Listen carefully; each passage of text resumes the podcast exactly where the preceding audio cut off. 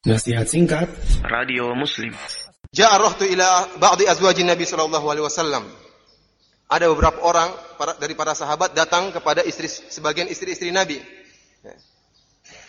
Fasa'aluhu an ibadatin Nabi sallallahu alaihi wasallam fi sir.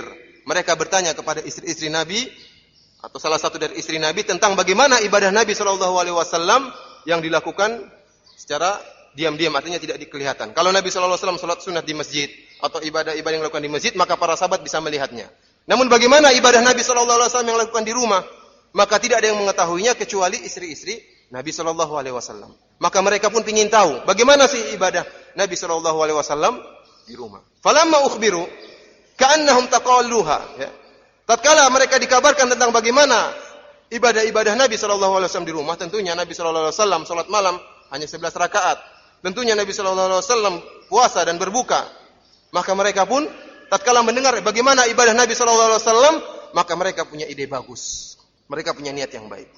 Mereka berkata, "Aina Nabi sallallahu aina aina nahnu minan Nabi sallallahu alaihi wasallam?" Di mana kita jika dibandingkan dengan Nabi sallallahu alaihi wasallam? Aqad ghufira ma taqaddama min dzambi wa ma ta'akhkhar. Nabi sallallahu alaihi wasallam telah dimaafkan dosa-dosanya baik yang telah lalu maupun yang akan datang. Bahkan Nabi sallallahu alaihi wasallam telah dijamin masuk surga. Lantas kita bagaimana? Dosanya lebih banyak daripada dosa Nabi sallallahu alaihi wasallam, kemudian belum tentu dimaafkan dan belum terjamin masuk neraka. Eh belum terjamin masuk surga. Bisa jadi masuk neraka.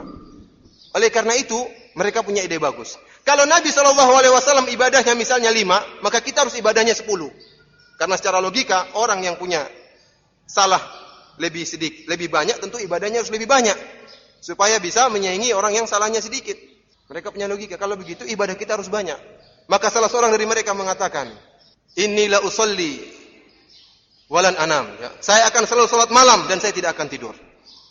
Yang satunya mengatakan, Inni la asum walan uftir. Saya akan puasa dan tidak akan berbuka tiap hari puasa. Tidak ada hari ini buka besok puasa, besok buka besok tidak. Saya tiap hari puasa. Yang ketiga mengatakan, wa inni la a'tazilun nisa. Saya akan meninggalkan wanita, saya tidak akan menikah. Logikanya betul. Namun apa kata Nabi sallallahu alaihi wasallam tatkala mendengar perkataan mereka? Antumul ladzi qultum kadza wa kaita wa kaita. Apakah kalian yang telah mengatakan demikian demikian?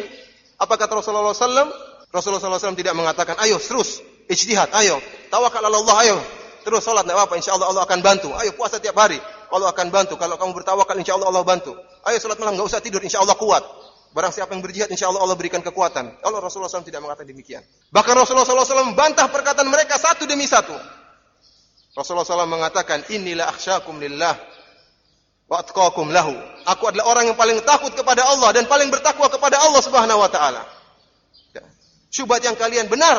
Kalian pikiran kalian memang benar bahwasanya kalian artinya aku lebih baik daripada kalian. Namun hal ini tidak melazimkan bahwasanya ibadah harus lebih daripada yang telah digariskan oleh Allah dan Rasulnya. Yang sudah telah dicanangkan oleh Allah dan Rasulnya. Harus sesuai dengan aturan. Apa kata Rasulullah SAW? Ini usolli wa anam. Saya sholat dan saya tidur. Ya. Kemudian apa? Wa asumu wa uftir. Saya puasa dan saya berbuka. Wa atazawwajun nisa dan saya menikahi para wanita. Ya. Man raghiba an sunnati falaysa minni. Barang siapa yang benci dengan sunnahku, maka bukan termasuk dariku.